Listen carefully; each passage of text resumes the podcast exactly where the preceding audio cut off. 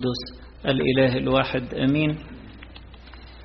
الحد الرابع من شهر بابا في كنيسة بتستكمل معانا صفات وسلطان السيد المسيح اللي قدمته لنا في الأحاد كلها بتاعت هذا الشهر. زي ما شفنا في العدد في الإصحاح في الحد الأول كان سلطانه على مغفرة الخطايا وشفاء الأمراض. في الحد الثاني شفنا سلطانه على الطبيعة. في الحد الثالث شفنا سلطانه على الشياطين. والنهاردة سلطانه على الموت والحياة. المهم في الموضوع إنه السلطان بتاع المسيح ده مش بس لحسابه. ده لحسابنا إحنا. كل سلطان المسيح وأعمال قدرته هي لفايدتنا إحنا. المسيح مش جاي يستعرض. المسيح جاي يدينا حياة جديدة. جاي يدينا قوته وسلطانه. فيغفر لنا خطايانا. فيشفي أمراضنا. فيخلي الطبيعة كلها تبقى لخدمتنا. ويطرد عننا الشياطين ويهزمهم لحسابنا. وأخيرا يبث فينا الحياة بعد ما كنا في اتجاهنا إلى الهاوية والموت. فالمعجزة النهاردة معجزة لطيفة مذكورة بس في إنجيل لوقا الإصحاح السابع مش مذكورة في حتة تانية. وقبلها كان في معجزة بتاع شفاء عبد لقائد المئة. ودي غالبا كانت في كفر ناحوم. وبعدين هنا يقول إيه؟ وفي اليوم التالي راح نايين. مسافة كبيرة بين كفر ناحوم وبين نايين مسافة كبيرة. نايين في جنوب الجليل. يعني على حدودها كده مع السامرة في جنوب الجليل. كفر نحوم في الشمال الشرقي عند البحيرة لكن نايين جنوب الناصرة حتى. يعني يمكن حاجة 40 45 كيلو بينها مسيرة يوم كامل بينها وبين كفر نحوم اللي راح هناك يقف كده على جبل طابور يلاقي الناصرة شمال غرب ويلاقي نايين جنوب غرب. يعني شوف الناصرة الناصرة على جبل شوية 400 متر فوق سطح البحر نايين في أرض لطيفة كده وسهلة وفيها مزارع جنوب الناصرة يعني بشوية صغيرة كده بسبعة كيلو ولا حاجة. فرايح مخصوص. قديس كيرلس الكبير له تعليق لطيف يقول إيه؟ يقول في المرة الأولانية بتاع المعجزة اللي قبلها بتاع شفاء العبد الناس استدعته راجل قائد المئة استدعاه واليهود اتشفعوا وقالوا له معلش لازم تروح الراجل ده مستحق وراجل كويس فروح له. فراح. يعني هو دعي عشان يعمل المعجزة. وقبل ما يروح هناك كان الراجل إيه؟ خف. يعني قبل ما يوصل قال له أنا ما استاهلش تجيلي قال له طب خلاص. كلمة واحدة العبد ده يبقى سليم وفعلا خف. بس هو استدعي. أما في المعجزة بتاعت النهاردة ده رايح قاصد. رايح قاصد بنفسه. ورايح في ميعاد دقيق جدا.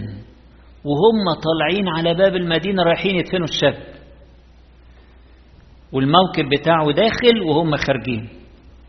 فرايح بترتيب من عنده. محدش استدعاه. ده رايح مخصوص ورايح بترتيب علشان يقابل الموكب ده اللي داخل اللي رايح على الإيه؟ على المدافن اللي بره البلد. ده بيكشف لنا إن المسيح صاحب المبادرة في إنه يهبنا الحياة بعد ما كنا في طريقنا للموت. أنا الميت المحمول اللي رايح على القبر رايح على الهلاك.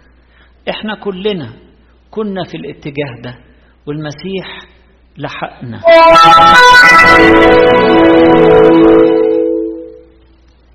المسيح لحقنا وإحنا خلاص. كنا في طريقنا للهلاك الأبدي. لحقنا واستعدنا للحياة مرة أخرى زي ما استعاد هذا الشاب. سيد المسيح هو الحياة الأبدية التي أظهرت لنا زي ما قال القديس يوحنا في رسالته. جاي علشان ينقلنا مش يستعدنا للحياة الأرضية.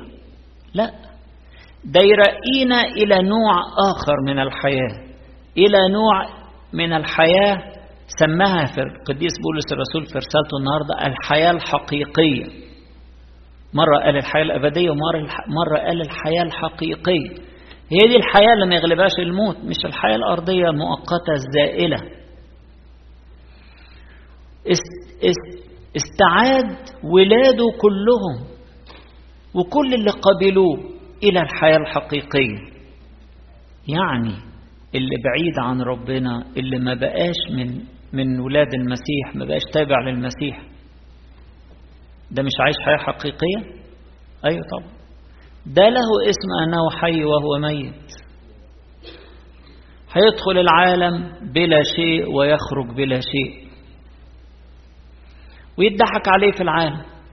يقول له خد دي خد دي امتلك دي اكتب اكتب امضي. معاك دلوقتي ال deed بتاع البيت ال property اللي انت خدتها بقت باسمك. امتلك امتلك امتلك امتلك امتلك وبعدين فجأة يلاقي نفسه سايب كل حاجة ولا في حاجة بتاعته. أمال ده كان إيه؟ ده خداع. الحياة الأرضية خداع. باطل الأباطيل والكل باطل وقبض الريح. الحياة الأرضية دي خلاص. المسيح رقانا عنها بأنه ثبتنا فيه في الحياة الحقيقية. عشان كده قراءات الكنيسة النهاردة كلها في الاتجاه ده. إحنا من يوم ما تعمدنا بدأنا مع المسيح حياة جديدة. حياة ما فيهاش بقى أمور تافهة بتاعت الأرض اللي هي كلها تروح. هيئة هذا العالم تزول. لا حياة حقيقية فيه. فمثلا قديس بولس الرسول النهاردة بيشرح كتير قوي في الإصحاح السادس من رسالته لتيموثاوس. بيقول له ما تخليش الناس يتكلوا على غير يقينية الغنى. الغنى ده غير يقيني ده غير حقيقي ما يتكلوش عليه. ده كل ده أمور زائلة. يتكلوا على الله اللي هو بيعطي كل شيء بغنى للتمتع. إحنا نبص للإيد الحلوة اللي بتدينا وبيدينا الحياة الحقيقية. محدش يتخانق على فلوس. اللي حابب يكون غني قال عليهم كده النهاردة في الرسالة. قال اللي حابب يكون غني وعايز يبقى يريدون أن يكونوا أغنياء في هذا العالم دول بيطعنوا أنفسهم بأوجاع كثيرة. بيطعنوا أنفسهم بأوجاع كثيرة. يسقطون في تجربة وفخ وحاجات مضرة وغبية ومشاحنات وصراعات علشان القرش علشان الميراث. خد حتة زيادة في الميراث. نخسر بعض كأخوات ونتخانق على حاجة إحنا سايبينها وماشيين سايبينها وماشيين ومش هناخد معانا حاجة. فالقديس بولس الرسول النهاردة بيتكلم القديس تيموثاوس بيقول له فكر المؤمنين بكده.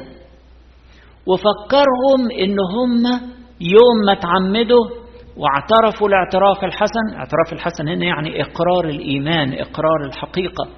إن إحنا بنجحد الشيطان وكل قواته وكل عالمه وكل شروره وكل شهواته اللي بيغري الناس بيها جحدناها.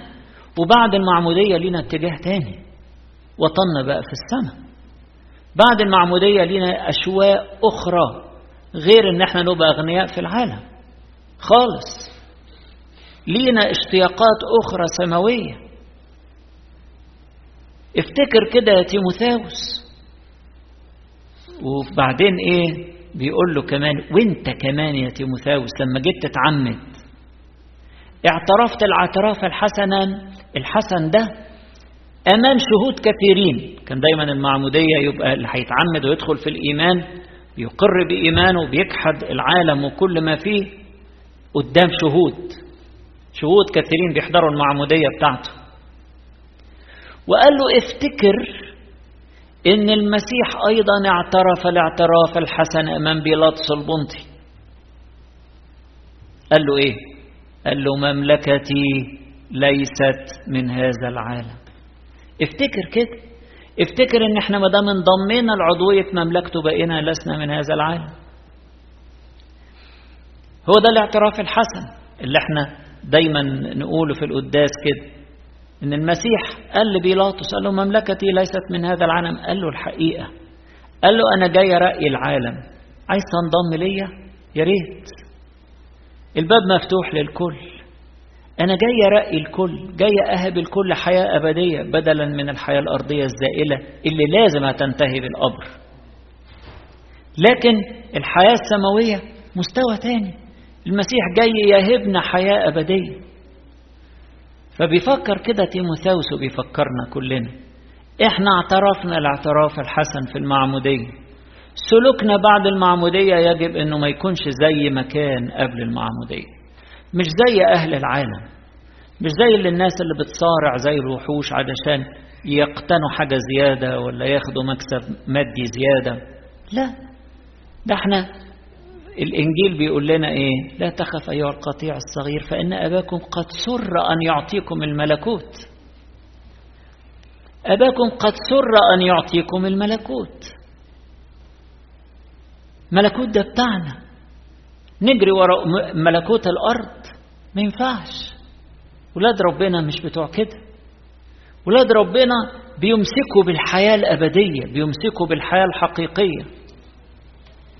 طيب واللي ربنا عطيله فلوس؟ وزنة. وزنة. يكونوا أغنياء في أعمال حسنة.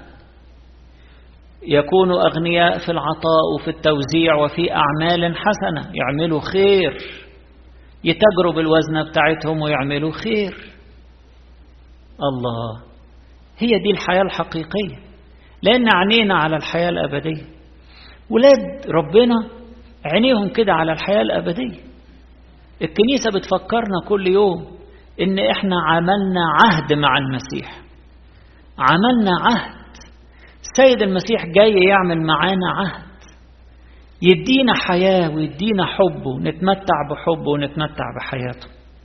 هو ده العهد اللي عطاه يوم ما اتدفنا معاه ومتنا معاه عن الحياة القديمة ونعيش معاه في حياة جديدة. هو ده العهد الجديد. اللي عطاه من خلال المعمودية ومن خلال تغذينا بدمه. بيقول كده هذا هو العهد الجديد بدمي اثبته فيا. فبيدينا الحياة بيدينا الحياة. وبيدينا كلام نتغذى بيه. كمحيي كلام هو روح وحياة. المسيح عمل معانا عهد جاي مش بس علشان يقوم واحد ميت ويرجعه لبيته وبعدين يموت مرة تانية. لا. هو جاي علشان يدينا حياة أبدية لا يغلبها الموت. من آمن بي وإن مات فسيحيا. وإن من كان حيا وآمن بي فلن يرى الموت إلى الأبد. لأنه أخذ نوع من الحياة لا يغلبه الموت هو الحياة الأبدية. عشان كده آخر حاجة يقولها الأب الكاهن في القداس وهو بيصرخ بيقول حياة أبدية لكل من يتناول منه. حياة أبدية.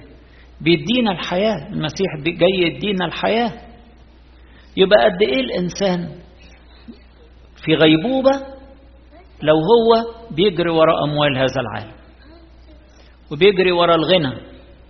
ويمكن علشان يكسب أكتر يمكن يظلم حد. يمكن يدوس على حد. يمكن ياكل حق حد. النهارده في في الكاثوليكون قديس يعقوب يقول للأغنياء اللي بيظلموا الأجراء اللي عندهم. بيقول لهم الصراخ بتاع الأجراء دول اللي أنتوا بخستوهم حقهم بخستوهم حقهم. الصراخ ده وصل إلى مسامع رب الجنود. بتاكلوا وتشربوا وتتغنوا ب الكلمة صعبة شوية بتربوا قلوبكم للذبح زي اللي بيربي حيوان عشان هيذبحه في الآخر وياكل قال أنتوا بتربوا الجسم ده علشان هيموت هيموت. وتظلموا الغلابة اللي بيشتغلوا باليومية تظلموهم؟ إزاي يعني؟ علشان إيه؟ بتربوا نفسكم للذبح؟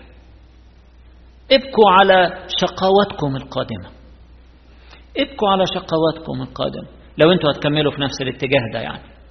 لكن ولاد ربنا مدعوين للملكوت.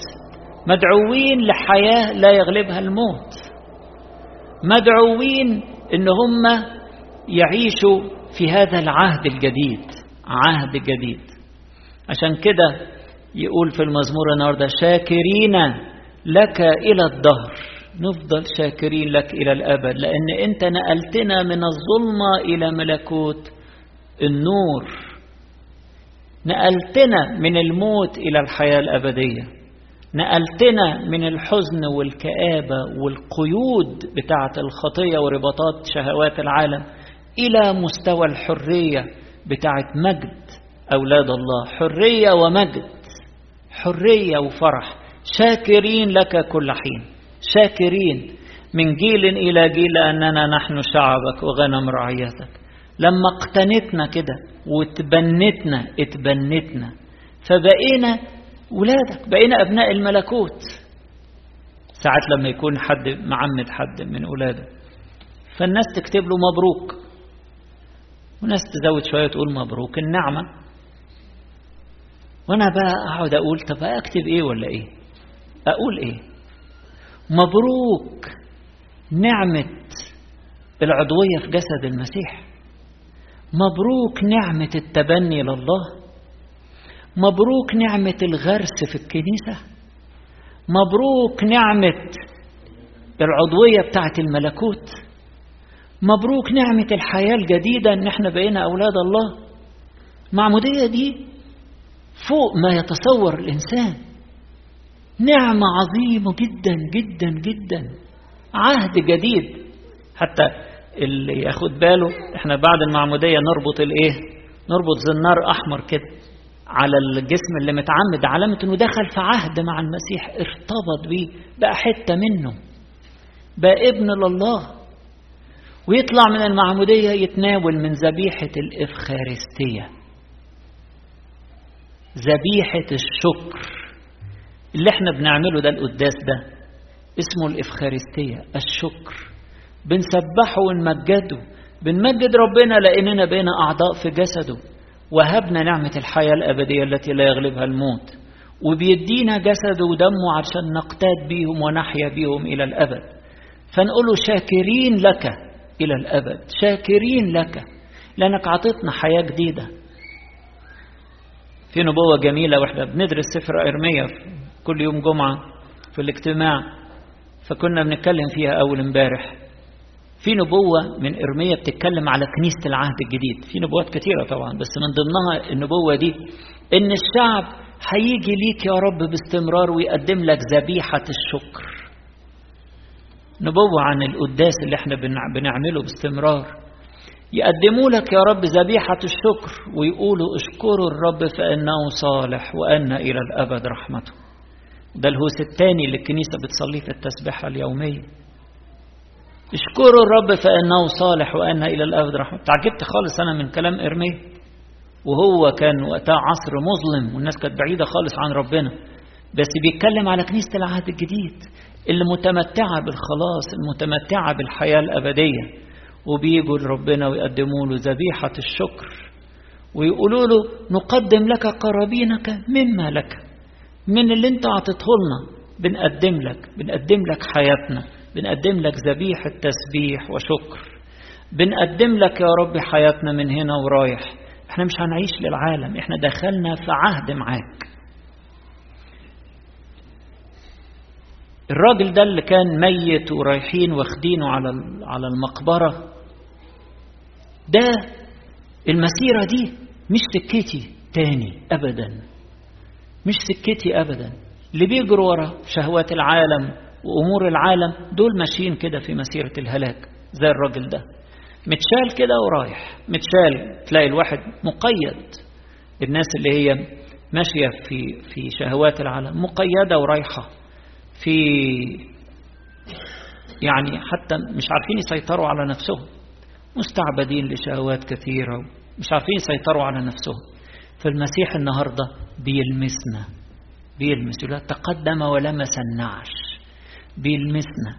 جسده ده فيه قوة حياة لأنه متحد بالكلمة متحد باللاهوت.